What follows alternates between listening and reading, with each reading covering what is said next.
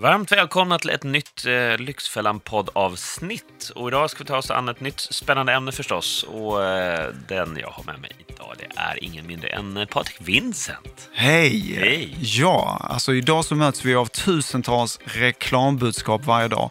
Och frågan är hur påverkar det oss och vilka psykologiska krokar används i reklamen för att locka oss konsumenter? Mm, här finns det mycket spännande som branschen vet, men som de flesta konsumenter faktiskt inte känner till. Så det ska vi prata om och förhoppningsvis ge en hel del svar på i dagens avsnitt.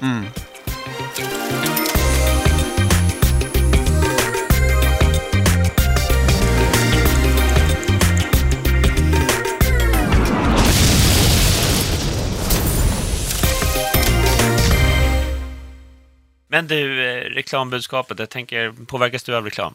Jag skulle vilja säga att jag är mer medveten om eh, vad jag vill köpa och vad jag inte vill och försöker alltid ställa mig den frågan, vad är min intention? Är det varumärket? Står det här för en exklusiv produkt? Är den praktisk? Behöver jag den här produkten eller inte? Är det ett behov eller en önskan? Eh, Så jag ifrågasätter väldigt mycket, men garanterat att det finns undermedvetna krafter som gör att jag faktiskt faller också i fällan. Ja, det är ju rätt spännande. Jag såg en undersökning om det där, hur många personer som anser sig påverkas av reklam.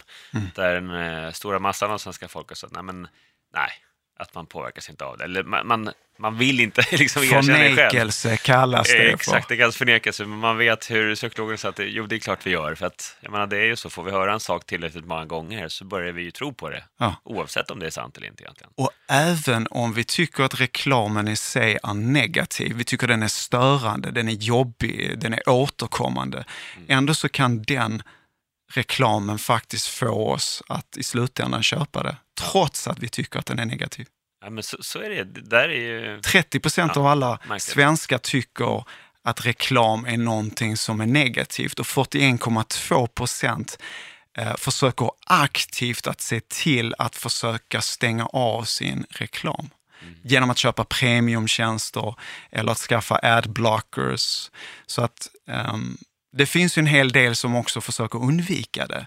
Men ofta är det ju det, reklamskaparna vill ju komma in i djupet och försöka tränga sig in i det undermedvetna för att försöka få oss att köpa en produkt. Ja, och det här är ju spännande om vi tittar på eh, ja, men reklam, ta tv-reklam så har man ju många i bekantskapskretsen säger ja men när det är reklampaus då går man ju liksom ut och, och ja, men, fyller på någon eh, dricka eller kaffe eller vad som helst, går på toaletten eller gör något snabbt när det är paus i filmen eller paus i programmet som man följer och kollar på, eller serien. Men eh, så vet man att ändå så har de flesta väldigt stor kännedom om exakt vilka reklamer som rullar.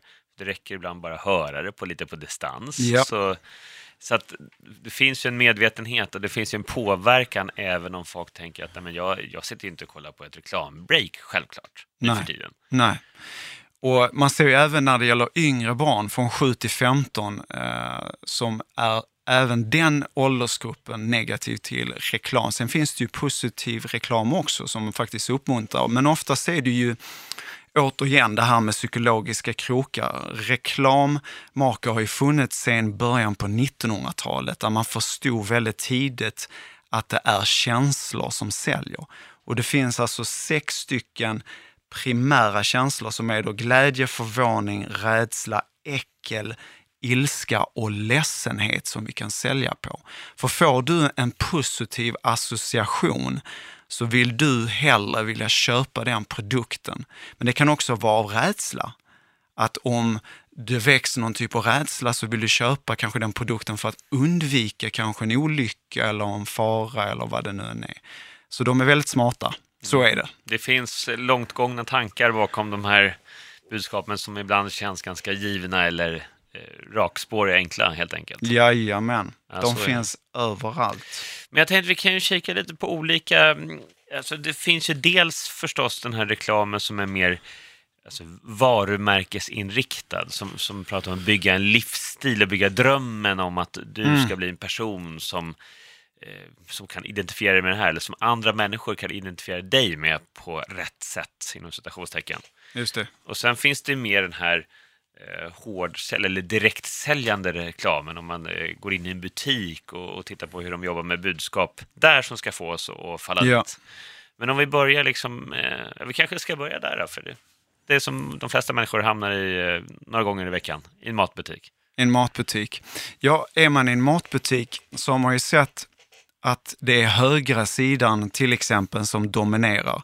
Ofta så eh, blickar vi på den högra sidan, så då har man också utifrån ett psykologiskt perspektiv placerat de nya produkterna på högra sidan och reaförsäljningen på vänster sida. Och det är samma sak med skyltdockor. Ofta så placerar man produkterna på den högra armen eller högra sidan för att kunna locka ögat.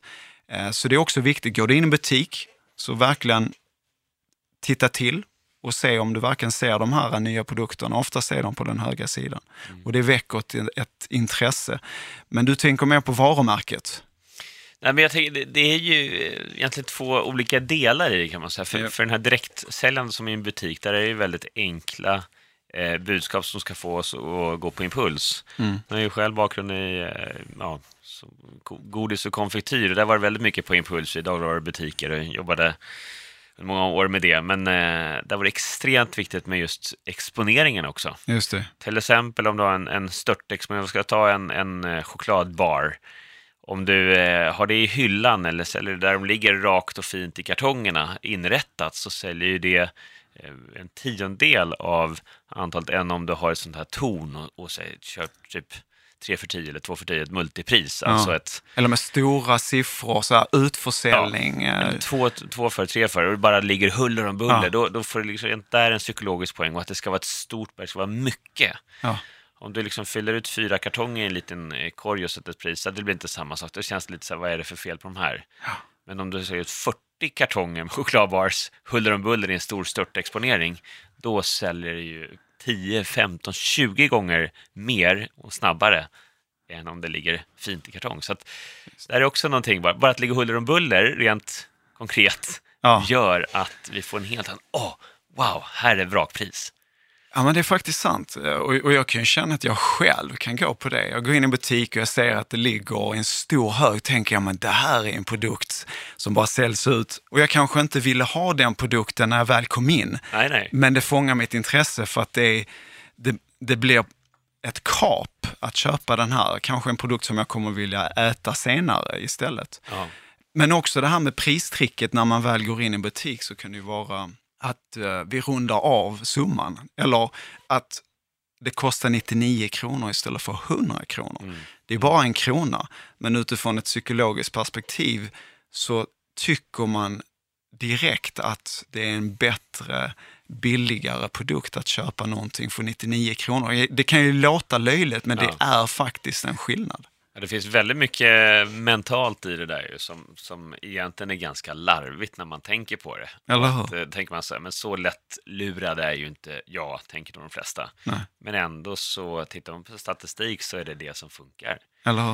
Och, och det där är också, för det behöver inte ha med logik att göra överhuvudtaget. Det här är ju impulser, snabba psykologiska impulser som alla som säljer de här grejerna vet hur det funkar förstås.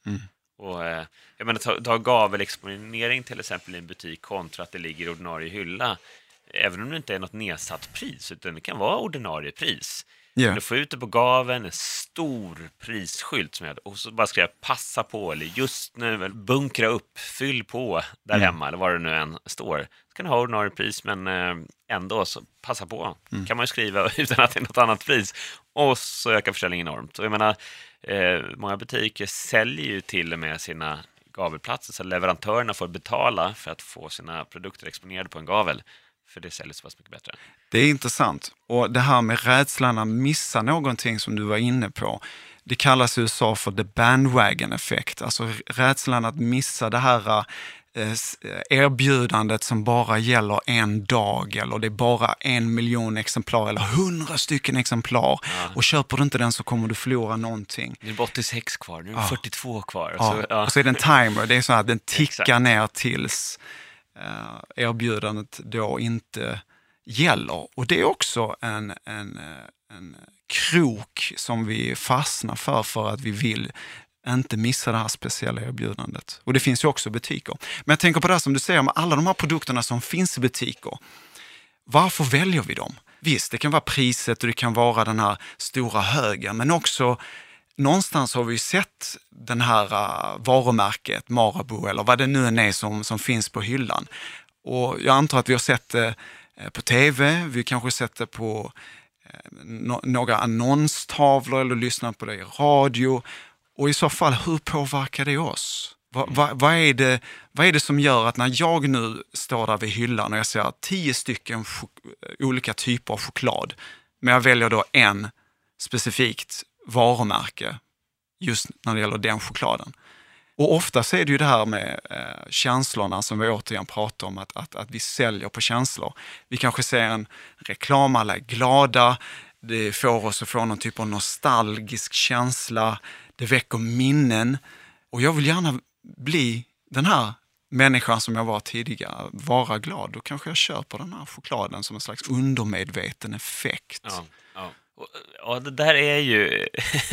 det, ja, det, det, är fascinerande egentligen vad, vad det är som gör det där. För det kan man ju se på vad som helst i en butik där med diskmedel eller eh, tandkräm eller vad som helst. Säger folk att ja, men liksom, det där är ju man blir matad med reklam, liksom, men det nej, jag, jag väljer utifrån andra premisser. Jag, bryr, jag, jag blir inte påverkad av reklam. Så tittar man, vad står det hemma på diskbänken då? vad borstar de tänderna med? Nej, men alltså, du väljer vissa saker och det är väl igenkänning och någon slags trygghet. Så jag vet inte riktigt hur, ehm, jag har inte sett något om det, hur psykologerna förklarar just den delen, att man, man väljer det man känner igen, man väljer det man är trygg med. Mm. Antagligen bara eh, på ren instinkt utan att eh, göra någon vidare överläggning med sig själv. I alla fall på den typen av inköp som inte är stora summor eller kapitalvaror eller som kräver ja. en väldigt stor insats. Jag kom att tänka på när jag såg en blöjreklam och det var en skrikande barn, alltså barnet skrek utav helskotta och helt plötsligt så kommer mamma med den här superblöjan, ja. sätter på det på den här bebisen och helt plötsligt så blir bebisen tyst. Bara jollrar och myser. Jätteglad och eh, superhappy och de har en fin kontakt, mamman och det här ja, barnet. Plötsligt. Och då tänker jag, tro mig sjutton att när den här mamman eller pappan ska gå in och köpa blöjan, att man köper just det märket för att mm. man undermedvetet kanske tänker eller inte tänker mm. att den här blöjan kommer att få ens barn att bli tyst. Ja, ja. Och det är också en känsla, gud vad skönt den här, alltså bara genom att titta på den här reklamen och att den här blöjan verkar vara magisk som ja, kommer att få ett barn att bli tyst. Ja, men det måste jag testa. Ja, men också hur, hur lätt vi låter oss luras av de här budskapen. Ibland tror jag att vi, vi, vi borde vara mycket mer kritiskt granskande och mm. fundera på vem är det som eh, gör det här? Vad är syftet med det här? Precis som om du går in till banken och många tänker sig att ja, men jag, jag har min personliga bankman, jag har min rådgivare har, eh, har föreslagit att jag ska göra så här. Ja. Ja, visst, det kan du göra, men uh, har du värderat det? Eller har du tänkt över att det kan finnas andra sätt att göra det på? Har du tänkt på varför den här personen har gett dig det här tipset och rådet? Just det. Den här personen är ju anställd och får sin lön och får sin belöning från sin arbetsgivare för att kanske rekommendera just de här sakerna. Och här tror jag väldigt många människor måste börja bli mer vaksamma. Att man får inte vara så naiv och blåögd. Nej. Och det är väl liksom en, en egenskap som blir allt viktigare i den här enorma eh, vad ska jag säga, budskapshetsen som är där ute nu. Den här enorma floden av budskap, reklambudskap vi får varje dag, att måste bli mer eh, krass helt enkelt och lite källkritisk. Just det. Så eftersom man använder sig av psykologi så måste man också börja därifrån. Att, att ifrågasätta varför man köper produkten. Eh, är det ett behov eller är det någonting som när jag har tittat på något som har väckt en association. För frågan är, om man är neutral till en produkt först och helt plötsligt så får man ett budskap som påverkar mig, kanske positivt eller negativt, men som driver mig till att köpa den här uh, produkten. Det är ju någon typ av manipulation skulle jag vilja säga. Ja, Eller hur? Ja, ja, ja. Det, det, är ju att man blir hypnotiserad på ett sätt. Ja att man förlorar sin egen vilja. Ja. Ja, men det, är lite så, du, du, blir så styrd så att du glömmer att tänka själv. Liksom. Ja, Och det där är ju väldigt påtagligt. Tittar vi, för att återkomma till butik här till exempel, om du ska gå storhandla på en stormarknad så tar du en, en kundvagn där så är ju de groteskt djupa idag. ja, men titta, om du jämför en kundvagn nu och eh, på 70-talet Ja. så är det ju eh, både längre, bredare och djupare. Vilket betyder att när du har lagt ner grejer, du tycker liksom, eh, ja, men nu har du handlat ganska mycket, så är det knappt det ens täcker botten den här kundvagnen, vilket gör att du får känslan av att du har ju faktiskt inte köpt så mycket ännu. Ja. Att du kan ju liksom handla på det mer. Och det är också en sån här psykologisk poäng, precis på samma, på samma tema som det är om du tar lösviktsgodis. Förr i tiden så var det de här små påsarna som är lite kuvertpåse med, med fem olikfärgade ringar eller vad det är på dem. Just det. Det, du vet de flesta som varit med. Liksom. Och så kom, gick strandkiosken på sommaren och så, vad får man för två kronor? Och du får en sån, en sån och en sån. Idag Ja. så är det ju som en sopsäck i de här eh, lösviktsställen. Och du kan ju skyffla, man ser folk på lördagar när man går och storhandlar. Folk på, alltså öser i som en gammal kolare. Och står bara skickar i skyffel på skyffel ner. Och det knappt täcker botten och så plötsligt är det fyra kilo godis. Och det här är också såna här små psykologiska Ja. saker som man kanske inte har funderat på där ute, men som ändå får oss att köpa mer, konsumera mer. Ja. Och vi alla har olika intressen. Men, så det ena sidan är ju att vi vill kanske köpa saker som är billigt, det är rea, det är fynd och när vi ser de här orden poppa upp så faller vi för det. Men det finns också, jag var lite inne på det innan, men det här pristricket där det finns en tvärtom-effekt, att du kan till och med höja priset. Eh, Man har gjort studier på att man dricker samma vin, alltså två flaskor vin och det är identiska viner. Den ena kostar 500 kronor, den andra kostar 99 kronor. Placeboeffekten kommer göra att de flesta, enligt då den här studien, kommer att gilla och tycka att den är mer exklusiv. Den, det här vinet som de har satt prislappen på 500 kronor. Så även att genom att bara höja priset så kan vi öka vår försäljning. Exklusiva bilar, exklusiva väskor, Ja. varumärket. Märket säljer också. Ja, men så är det ju. Och det upplevda värdet, det behöver inte vara, som du säger, som en vin, att det behöver inte vara att det är en annan kvalitet, utan du, har, du upplever kvaliteten, för du har en positivt fokus där. Du vet att det här är ett fint exklusivt vin, då, då har du en annan inställning till det när du faktiskt eh, testar eller använder den här produkten eller tjänsten. Jag tycker Apple är ju extremt duktiga på att marknadsföra sig själva när det gäller alltså, en typ av exklusivitet. Förpackningarna i reklamen när de nästan viskar eh, “This is so magnificent produced by this aluminum made”. Och det är någon typ av härlig känsla som man får med den här slow motion effekten som man ser när man eh, öppnar upp deras förpackningar till exempel. Men även bilar. Mercedes, eh, visserligen starka varumärken som har funnits i väldigt lång tid, eh, som självklart har en fin produkt, men varumärket säljer ju självfallet idag. Många köper Nike och alla de här typer av produkterna och frågan är varför? Ja, I allra högsta grad. Ja. Det där är intressant också hur man kan förflytta varumärken också.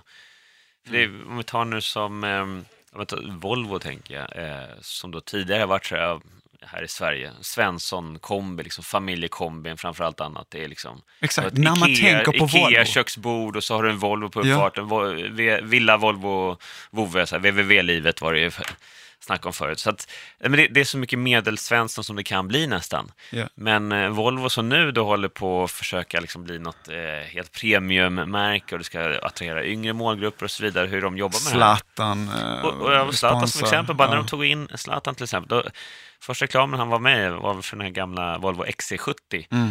Eh, vilket då var en modell som var på slutet av sin produktlivscykel, alltså på väg att bli, komma en helt ny generation av Mm. den modellen. Så den var på sluttampen, men så var den här reklamen med Zlatan då uppe i fjällen och badar och åker med den. Och, och det var explosionsartad försäljningsökning av den bilen bara på grund av det. Och det tycker jag är Det kan jag föreställa mig. men, men det tycker jag på riktigt är, på samma sätt som det är fascinerande så tycker jag det är helt sjukt. Jag tycker det är sjukt. En bil som har funnits och plötsligt så, bara för att han är i en reklamfilm där folk logiskt fattar att ja, men han får ju betalt för att sälja den här produkten Exakt. i reklamen. Men ändå så springer folk till Volvo återförsäljaren och köper en, en bil som är på väg att bytas ut som en gammal modell som funnits många år och som ska bytas ut. Bara för att plötsligt Zlatan Ja. då på en reklamfilm, kör den. Det var, var, då tänker jag så, här, vart är mänskligheten på väg? Det är ju det är sjukt. Och det visar ju att vi som människor är väldigt simpla och enkla och väldigt påverkbara. Att exakt som du säger, tycker vi om fotboll, tycker vi om slatten så kan det till och med påverka oss att köpa en bil som kostar väldigt mycket pengar. Så därför fortsätter reklamen. Men idag så är det ju på ett mer, skulle jag vilja säga, ett mer påträngande sätt. Innan var det ju tv, uh, kanske brevlådan som man fortfarande ser som ett väldigt bra sätt att kommunicera på. Men idag när vi har sociala medier Uh, har du varit inne på ett företag och sökt en produkt så kommer du i stort sett att bli jagad av mm. den här produkten var du än befinner dig, oavsett om det är någon nyhetssajt eller om det är sociala Exakt. medier. Så reklamen finns, den utvecklas och eh, man pratar om det här med linjär-tv, men det funkar fortfarande. Eh, jag menar, folk köper produkter, man använder sig av de här psykologiska krokarna. Det har funnits i hundra års tid. Man lägger ner massa pengar för man vet att det funkar.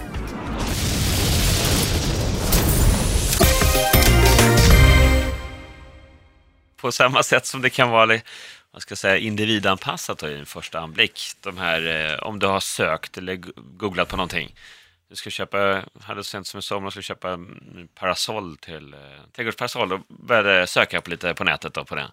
Och sen är det precis som du säger, var man än är ute på nätet någonstans, på vilken eh, nysida eller vad som helst, så dyker det upp massa reklam. Utemöbler, parasoller, parasoll till förbannelse. Ja. Och sen om det då har, det om de har köpt det, så vet jag inte, det fortsätter ju komma massa erbjudanden om saker som du kanske är helt ointresserad av, då, för du redan har löst det. Men hur, hur stänger man av det? Ja, jag vet faktiskt inte. Jag, jag har inte hunnit... Du måste söka finns... på det annat, du får söka ja. på något nytt som du strävar efter. Och jag menar bara det att på samma sätt som det kanske är bra i starten, om du håller på att söka det, så kan du vara intresserad av kampanj eller reklambudskap. Så kan det, det vara. Det kan vara positivt. Det. Så det kan vara positivt. Ja. Det behöver inte alltid, reklam är inte alltid negativt. Då kanske det är, men jag, jag är intresserad av det här, jag vill se vad som finns och finns det bra erbjudanden. Men så fort du har löst eller köpt det, om det är en sån sak som du inte köper eh, kontinuerligt, mm. så blir man ju bara irriterad när man får det sen tre månader efter. Men kom igen, alltså, jag vill inte ha det där längre det finns väl en kategori som kanske köper saker för att de är praktiska. Det finns en funktionalitet, oavsett om det är smak eller vad, vad det nu än är. Men du gillar bilar, eller hur? Ja. Så hur är det för dig själv? Kan, kan, alltså, grejen är, köper vi varumärket också? Eller är det bara eh, funktionaliteten som vi tittar på eller låt oss säga att vi nu har två olika maträtter eller spagettipaket. Eh, ja. Men den ena är lite mer känt. Väljer ja. man den? Gör vi det? Faller vi i själva träsket? I allra högsta grad. Jag, jag, jag, tror som du, om man skulle bedöma mig själv utifrån sett, ja. så, så tänker jag också att jag är mer medveten om mina val. Jag vet hur de här psykologiska krokarna funkar, vilka effekter de har. Men självklart, sen är det på saker man själv eh, iger på, så det är klart att man faller dit och ibland också låter sig luras, tror jag. Ja. Alltså det, det, kan ju vara kläder eller vad som helst. Jag vill bara schyssta skor eller du vet att det jag menar, så, är det en annan känsla i det. Och precis som en bil självklart också, har lagt ner mycket pengar och det, på det och eh, då blir det som det här, du, du skapar någon slags eh, exklusiv känsla i din egen lilla bubbla eh, för att du kanske har lagt ner mer på det och tycker att det är värt det. Just det. Eh, utan att det behöver vara så rent, eh, rent objektivt. Så då är det identitet som, som vi söker och en förhöjd upplevelse. Men om vi riktigt ärliga, om, det, om vi på något sätt bortser från funktionaliteten så skulle jag vilja säga att det ändå är någon typ av placeboeffekt. Ja, men så är det, ja. Eller, jag menar, det är klart att ett bättre varumärke, låt oss säga nu en väska, en Louis Vuitton-väska eller en snygg klocka eller en dyr klocka. Eh, kvaliteten antar jag, som ändå de här urmakarna från Schweiz mm. är duktiga och kanske har lite mer exklusiva komponenter. Sen så kanske man höjer värdet lite mer för att varumärket i sig har ett pris. Så är det. Men jag menar, kvaliteten antar jag är bättre. Låt oss säga Nike-skor eller någon eh, skor som man har köpt på något utförsäljningslager. Jag menar, bägge två kan du gå i mm. och, och du, du, har ju samma typ av funktionaliteten. Ja, men har då Nike bättre tyg, bättre vävnadsaktiga saker som gör att den håller bättre? Ja, eh, jag, jag tror att eh, det finns väl bättre kvalitetskomponenter, men sen, det är inte bara det, utan man betalar också väldigt mycket för varumärket och Ja. vad varumärket bygger hos dig. Och eh, för de pengarna som man betalar extra för varumärket, det finansierar ju oftast den reklamen som gör att man är beredd att betala det. Mm. mer för den som har ett varumärke. Och det där är ju egentligen eh, vansinnigt kanske man kan tycka, för det är ju det är intressant att se de här psykologiska krokarna också. Vad, vad är det som gör att vi, ja, men, som klocka är ett lysande Ja. exempel. Ja. Du kan köpa en eh, klocka för, liksom, för 100 spänn som fortfarande visar tiden, som har ett batteri som går ut för att byta efter något år, men den, den kommer visa det, tiden och, och guida dig genom det. Idag dessutom så är ju egentligen klockan kanske inte så nödvändig för de flesta, för de, nästan alla har mobiltelefoner och där klockan finns mobilen, det visar tiden på mobilen. Hur som helst, så hur kommer det då sig att folk liksom är beredda att betala både 100 000 och och en miljon för en klocka? Liksom, det finns ju alla möjliga nivåer där om man vill. Och jag tror att det Den går... visar ju samma tid. Ja, exakt. Men jag tror att det går ihop med det som vi pratade om innan, att, vi, att man tillhör en exklusivitet, alltså en, en, en, viss typ av skara som faktiskt bara har tillgång till den klockan eller den bilen eller den kostymen. Exakt. Utan det är inte alla som har den, utan det är faktiskt bara vissa. Den som har pengar, den som är framgångsrik eller så. Så jag tror att identitetskänslan är ju också väldigt stark, att man kan uppleva eller få en känsla av att man är utvald. Ja, men precis. Är det någon som, okej, är den... men sen är det, finns, just när det gäller klockor finns det en annan aspekt också. För det, och en Rolex, okej, okej, du är framgångsrik eller tjänar bra med pengar, det är det som du vill bygga eller visa upp. Ja. Å andra sidan finns det ju otroligt bra kopior ner från eh, ja, östra delen av världen. men, Men då är den inte riktig. Men då är det inte riktigt. Den Men det är här är också riktig. intressant. Det, det är intressant för andra eh, vet ju inte det, men de vet att det finns kopior, precis som med eh, märkesväskor och så vidare också. Just det. Eh, och då, då blir det liksom en väldigt fin eh, skillnad där, för att då, då har du för din egen del, om du vet att det är en äkta då, sån här väska, eller en äkta klocka som du verkligen vill ha och strävar efter och så vidare, så Ja. bygger du en egna känsla. Du vet ju om att det är en äkta väska eller en äkta klocka. Så det är som att Men man lämnar sig själv eh, för att, att, att man lämnar sin egna upphöjda känsla till att jag vill att ni ska tro att jag har den här Rolex-klockan fast den är en kopia. Eller Ja. Jag vill att ni ska tro att jag har den här eh, Louis Vuitton-väskan. Fast Precis. jag vet ju själv att det är en kopia, men för mig är det inte viktigt. Jag vill bara att ni ska känna Ja. och att ni ska uppleva mig som en sån här person. Precis. Och det är där som är också spännande hur egentligen de, eh, ja, hur den psykologiska kopplingen eh, fungerar. Ja, det där är eh, verkligen intressant. Reklamens drivkrafter. Ja, men, men en sak är ju tydlig, för det är det som reklam mycket går ut på idag också. Det är ju att bygga dig som person, alltså ditt personliga varumärke som individ. Att det är det någonstans som man försöker skapa ju. Att eh, bygga ett liv som du kan vara stolt över, oavsett om det handlar om kläder eller skor eller bilar, kapitalvaror, teknik eller eh, vad du har för märke på diskmaskinen där hemma. Liksom. Att allt det där tillsammans bygger ju en bild av dig som person och det är den bilden, det liksom personliga varumärket som får folk att lägga väldigt mycket pengar på egentligen luftvärden många gånger. Ja. Det kanske är så att du betalar eh, 200% högre pris, men kvaliteten, rent krasst om man skulle testa Ja. produkten, är 25% bättre än lågprisvaran. Just det. Kanske. Ja, och vi köper det. Vi, jag menar, enligt studier så bombarderas vi varje dag cirka 3 000 till 20 000 olika typer av reklambudskap. Allt ifrån poddar, sociala medier, tv, kollektivtrafik, tidningar och, annons, och, annonstavlor beroende på var man jobbar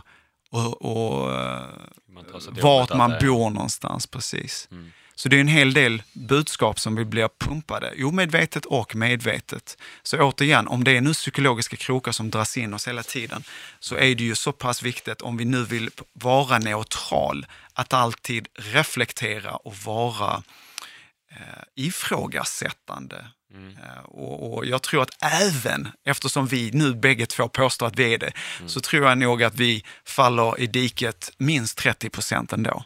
Ja, det, för för ja, att det är undermedvetet. Ja, men verkligen. Men, men det jag hörde är rätt intressant. Jag tänker på de här cykellösa krokarna nu, nu eftersom ja, det var val för inte allt för länge sedan då, i, i Sverige och eh, med de reklamkampanjer för politiska partier Mm. där också så hörde någon diskussion kring det där att eh, ja, men om det är ett budskap som ingen kan säga emot, då blir det i alla fall i politiska sammanhang, där reklambudskap, så, så faller det ganska platt. Och det var ju rätt många sådana i årets eh, valkampanj. Ja.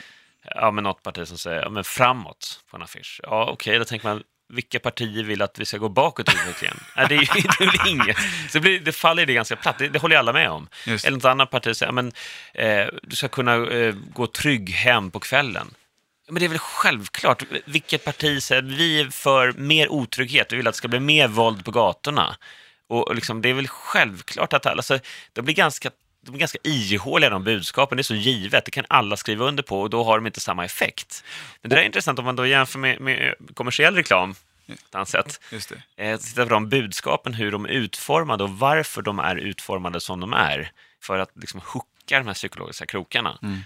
Och även politiken, precis som du säger så är det ju återigen att man säljer ett budskap, det är ju det. Och återigen så är det ju känslor som är de primära. Ja. Glädje, förvåning, rädsla. Politikpartier säljer sig väldigt mycket på rädsla också. Ja. Att om det här fortsätter så kommer det här att hända. Eller det här med framåt, ett, Mm. ett ord som är framåt. Det finns också en psykologisk aspekt att, ja men gud, jag vill ju gå framåt. Ja, men det här partiet är ju fantastiskt. De verkar drivna, de vill framåt. De, Alltså, är, de, ja. de är aktiva och de har ett starkt budskap. De vill, de vill inte stagnera utan de vill framåt. Men, men i, i min värld så tycker jag, jag, jag tycker att idiotförklara reklam, eh, alltså mottagaren, eller budskapsmottagaren.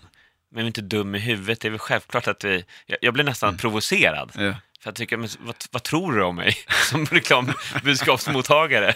Men jag vet inte, det, det finns ju självklart, jag menar det är samma så här gammal hedlig, jag såg någon amerikansk, här, amerikansk reklam för, det var någon bilvax, står någon eh, gubbe där på någon motorhuv och kör det här supervaxet på motorhuven och så kolla, så efter när han har vaxat med det här, så det är så hård yta, så glansig yta så att du kan till och med hälla på bensin och tända på så det kan brinna på motorhuven här ovanpå den här vaxet. Och titta efter, det blir ingen märke. Nej. Så tänker man så här, men vad är logiken i det här? För mig är det fullkomligt idiotiskt budskap. Det säljer säkert jättebra. Ja. För mig blir det så här, ja men eh, det är inte så ofta jag så tänder eld eller det är en majbål på motorhuven. Eh, så så vad, vad är poängen med det? Sen, sen är det självklart då för att visa hur hårt och slitstarkt det här är. Men det blir larvigt. Den där situationen kommer aldrig uppstå. Så varför ska köpa ett vax som klarar eld när det aldrig kommer hända? Ja. ja, men det, Men liksom de här... Ja, det- blir man det finns mycket som är självklart och jag tror att en av reklamens drivkrafter är också att ha det kontinuerligt. Att de bara pumpar och pumpar även om det känns väldigt ytliga och enkla budskap så är det undermedvetna krafter som vi dras in i. Så återigen, precis som du säger, jag kan bli så extremt irriterad på vissa saker. Och ta mig 17 när jag väl står där i butiken så kan det hända att jag ändå går till den hyllan och köper den produkten. Ja. Och ibland så gör jag inte det. Men alltså, jag tror att i många fall så kan vi inte styra det själv. För att det är så pass starkt. Va? Och vissa reklambudskap är bra. Det är ju fint att eh, någon också kan komma och upplysa om att det finns den här produkten. Tänk om inte jag eh, hade sett den, ja men då kanske inte eh, skulle jag köpt eller Nej. visst, veta om att den produkten fanns. Nej. Så det kan ju vara positivt också såklart. Så är det ju. Jag menar ändå, trots allt så är det ju eh, 70 procent som ändå är positivt inställda mot reklam. Men jag tror att det är viktigt för de som ändå lyssnar här att eh, det finns starka psykologiska krokar och att eh, ja, man gör som ett test. Eh, Bli medveten när du väl går in i butik. Vad är intentionen? Varför köper du den här eh, produkten? Och, och också tänka till, men just vad det är lite mer krass och fundera på vem är avsändaren? Varför Ja. säger de som de gör på det här sättet i den här reklamen? Är det en känd människa? Gillar du den här kända människan? Köper du den här produkten bara för att han eller hon säger att de har använt det? För det finns ju också en eh, psykologisk krok som kallas för testimonials. Alltså någon människa som faktiskt eh, har gått före och pratar väldigt bra om just det här. Och på grund av det så köper man det här. Du nämnde Zlatan, Volvo-bilarna, men det kan vara vad som helst. Och det är sen betalda samarbeten och nu på sociala medier så står det ju, ja men det här är ett betalt samarbete och det, det blir ju ganska tydligt igen för mottagaren att okej, den här personen får betalt Ja. för att eh, säga de här sakerna om den här produkten eller tjänsten. Ja, det är helt galet, tänker jag. För mig så faller det lite då att är folk så... Ja, men jag, bara för att jag gillar en person, Ja. om jag gillar en person som jag följer på sociala medier och så för att den personen äter det på ett visst ställe, köper en viss kläd eller en viss produkt. Bara för att han eller hon har fått pengar. Ja, och det, det funkar ju så, men jag blir rädd för mänsklighetens utveckling. Så tänker jag, men... Ja, men, eh, har du ingen egen vilja? Har folk tappat sin egna vilja? De blir följare, inte bara på sociala medier, utan de blir, följare, de blir followers liksom i, i hela sin uppenbarelse. De, eh, de tar inga egna beslut eller gör inga egna värderingar, utan det här är min idol och allt den personen gör köper jag med hull och hår. Jag ifrågasätter ingenting och det tycker jag är lite otäck utveckling, måste jag säga. Att, att folk inte gör den egna värderingen, utan jag bara köper det. Jag ska vara ärlig. Om jag nu tänker på Volvo idag. Okej.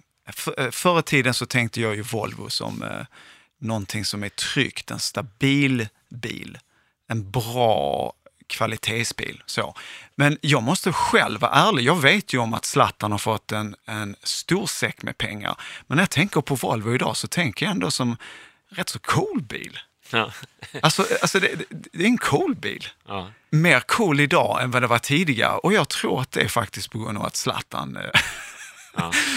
Det var ju några till, det var inte bara. Zlatan skulle säga, det var ju några... eh, Ja, men jag tror att jag fastnar för... Swedish House Mafia, jag körde Ja, väl också någon reklam. Där, va? Ja, Robin har väl också kört. Det, Robin har också kört på. Ja, men de struntar jag i utan också va? körde väl... Eh, Zlatan kör Volvo, det tycker jag är coolt. Så, så, Är du så lätt på det? Ja, men, jag är är- chockad. ja, men jag blir ju själv chockad att eh, nu när vi ändå sitter och pratar så funderar jag och jag tycker Volvo är en rätt så fin bil. Ärligt, härligt men ändå chockerande. Ja, herregud alltså. Ja, nej, men, men det där är ju... Det är ju uppenbarligen så vi, vi människor funkar. Och Ja. Det är klart att jag, jag tror precis det här omedvetna reklamen är väl den som är mest effektiv. För det är Mm. den också som man, som man tycker att "Nej, men jag påverkas inte, jag ser igenom de här budskapen. Men ändå så, så, så går vi där och eh, strävar eller åtrår samma saker som de flesta andra.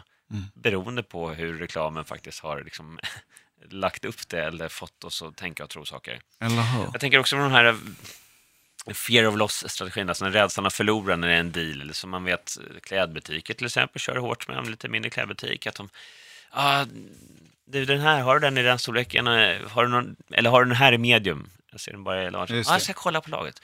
Ah, vi hade en kvar. Och då vet man ju, alltså, det ljuger säkert så, så näsan växer nu snart. Ja. Även om det skulle ligga hundra på lager där, så säger jag, har du en kvar, då blir det ju klart att känslan, okej, men du, då tar jag den. Ja, ja, och så är det ju öppet köp i 30 dagar. Så om du ångrar dig så kan det alltid komma tillbaks. Just Då, är det liksom, det är då hängsten livrem med allting. Köp, konsumera nu och tänk efter sen. Det är det som är allt uppbyggt på. Och hur lätta vi är där då att, men bara en kvar, tänk om jag inte köper den och kommer ångra mig imorgon.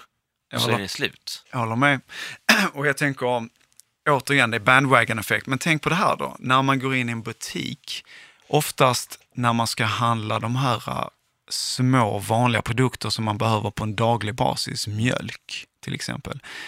Det är inte för inte för att den produkten är längst ner i butiken. Exakt. Och eftersom den är längst ner i butiken så måste man gå förbi alla andra hyllor.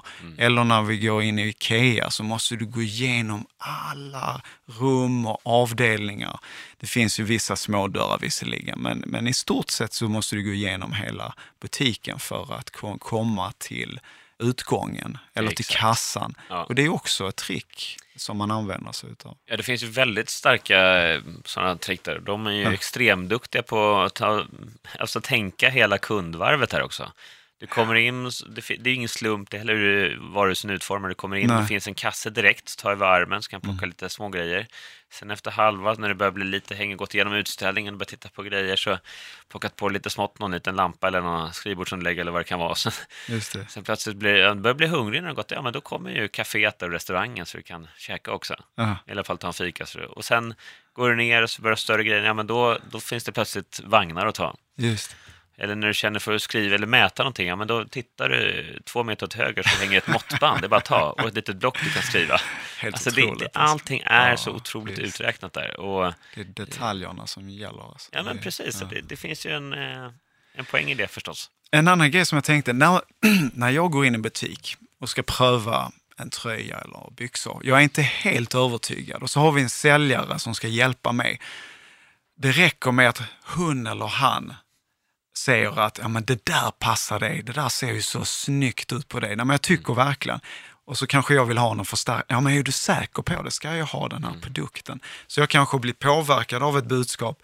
Men också den typ av drivkraft som en säljare kan på något sätt bara tippa över mig, även om jag inte var helt övertygad. Det är också lite märkbart. Ja, verkligen, i allra högsta grad. Med bekräftelse, att känna sig sedd och bekräftad och förstärka den identiteten. Ja. Där finns det gäller ju en teknik för de eh, personerna också, att inte bara ösa på så att det inte blir trovärdigt.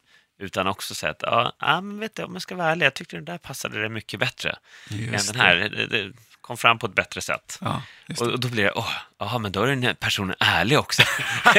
Tänker så att det, det finns ju, i- ah, jag älskar ju försäljning, utbildning och sälj, ut, alltså säljutveckling. Jag menar, och du och jag har jobbat mycket med sälj, så vi vet ju också alltså, säljtekniker. Ja, ja. Till exempel när vi går in i en galleria och de ska sälja telefonabonnemang. Alltså telefonsäljare är ju den mest hardcore försäljningen som finns. Och där är det ju också vissa statistik där de säger utav 100 stycken som de approachar så är det 10% som är öppna för att vara intresserade. Du kan inte påverka de 90 procenten, men du kan påverka de återstående 10 procenten hur duktig du är som säljare är upp till om det är 2% eller de 10 procenten. Det är psykologiskt. Och där är det ju också såna här små psykologiska hooks som man kan göra. Vi- Jag vet, jag har ju utbildat en hel del eh, sådana säljpersoner också, eller säljorganisationer som håller på med den typen av försäljning. Jag har en bakgrund på Electrolux själv en gång i tiden. Knacka dörr och, och sålde dammsugare, det är också hardcore där förstås. Försäljning och sälja dammsugare till någon som inte visste att de behövde någon mitt i, mitt i middagslagningen. Men där är ju också såna här små psykologiska grejer som, ja men ta telefonen, så att istället för att du går ut och kommer någon i en galleria en gång och så går en Mm. telefon eller hoppar ut och liksom ställer sig i vägen för dig eller till och med går emot dig. Just det. Då går de flesta liksom backar Mm. eller får upp garden och blir lite så här, wow, här är någon offensiv nu som ska sälja på med någonting. Ja. Och då, även om du kanske skulle kunna vara intresserad av att byta abonnemang för du är lite missnöjd med det du har idag eller så vidare, Mm. så blir du lite rädd. Just det. Så ett mycket effektivare sätt där som vi tittade på och testade ute på fältet också, att istället för att du går emot och frontar en potentiell kund, så börja gå lite lätt med dem. Om de går och strosar och tittar in i butiksfönstret så kan du komma och gå, alltså att du inte går mitt emot dem, Just det. utan du går åt samma håll. Du kommer upp bredvid, jämsides. Hej, ja, hej, går du på shoppingrundan? Så bla, bla. Men du, ja, vi, vi står nämligen här idag och, och så börjar jag prata. Det blir inte alls lika offensiv helt enkelt. Och då har du mycket, mycket bättre frekvens på att faktiskt börja få prata med folk och det är ju första steget. Och det är ju psykologi i hög form. Så det är lite intressant för både du och jag har den här säljbakgrunden. Jag har också varit den här hardcore-säljaren som eh, lyfter luren. Och en av våra knep var ju att eh, du ska alltid säga deras förnamn. Ju fler gånger du säger det, det kan vara så här, hej Bengt, är det, är det, är det Bengt jag pratar med? Ja, du Bengt, eh, jag har faktiskt en produkt här Bengt. Att, för att skapa någon typ av relation eller en anknytning så gäller det att du ska benämna förnamnet flera gånger. Men funkar alltså, det, Det, gör, det gjorde det. funkar det? För det, Ja, jag är så blev- Mm. jag är själv tvärallergisk mot eh, när det ringer någon och, liksom, telefonsäljare och kör bara mitt namn. Ja. Och ibland när de säger fel namn dessutom. Ja, men det är ju för att du är en säljutbildare. Du kan det här, du är expert. Ja, men liksom, för det blir så här... Nej, men återigen, det blir så personligt för någon som inte känner mig. Så här är det. Jag menar, att, att ringa kalla samtal i, i slutändan, the numbers game. Det kommer fortfarande vara bara 10% av de 100 som, som kommer vara intresserade. 90% kommer bara klick, klick, klick. Men återigen, psykologi där, att du kan förstärka en vänskap eller någon typ av anknytning genom att säga namn. Jag tror till, till och med att det var Tony Robbins som, eh, som utbildade sina säljare genom att göra så. Ja. Och jag blev ju faktiskt eh, månadens säljare. Nej, bra. Du, Vi ska börja runda av här lite Ja. och, och försöka koka ihop det vi har snackat om. Det. Vi skulle kunna sitta och snacka sälj här ju i, i eh, år och dag, men försöka få ner det här lite i tre handfasta tips för de som sitter och lyssnar nu. Okej, så jag har en i alla fall. Undvik att falla för rabattkampanjer. Det vill säga fråga dig själv, behöver du verkligen den här produkten? Försök undvika de här eh, texterna, klipp, passa på nu, erbjudande, eh, utförsäljning, för oftast är det det som triggar igång begäret. Ifrågasätta och faktiskt reflektera över dina avsikter istället för att bli slav under dina eh, känslor så fort du ser de här skyltarna. Det är en. Nummer två tycker jag alltid fråga dig, varför köper jag den här? Just det. Varför köper jag den här? Det kan vara i dagligvaruhandeln när du köper tre, du behöver en crème fraîche, men du köper tre för det var tre för 20. Så tycker jag att oh, jag får i stort sett en gratis, men om två kommer stå hemma och gå ut ur datorn och slängas till slut, då är det en dålig affär. Eh, om du använder alla tre, då kan det vara smart. Men Exakt. varför köper jag den här? Varför är bra? kapitalvara eller kläder eller något annat. Och jag tänker också det kan vara bra att lista ner sårbara situationer som väcker din lust att shoppa. Det kan vara specifika sajter som du besöker, eh, köpcenter, speciella gator, områden. Med den kunskapen så kan du i framtiden undvika kanske vissa ställen som gör att du triggas igång. Och så kan du också skapa en lista där du betygsätter ditt sug att handla från 1 till 10. 1, inget sug. 10 är att man är extremt sugen. Eh, och då ser du lättare vad du i första hand eh, kanske bör undvika. Mycket bra, så eh, nummer ett, Undvik att falla för just rabattkampanjer. Att eh, försöka bli medveten. nummer två, frågasätt varför köper jag det här just nu?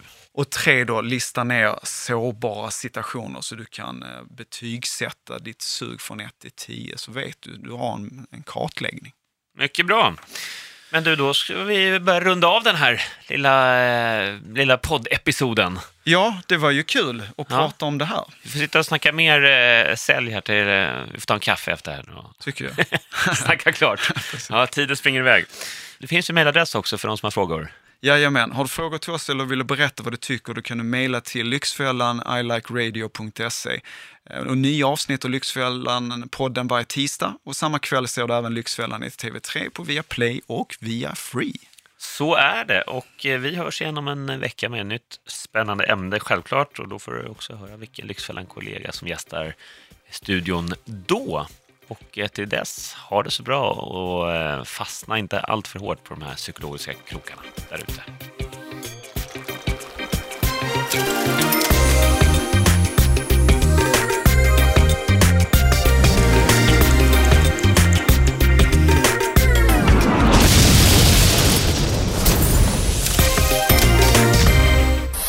produceras av I Like Radio.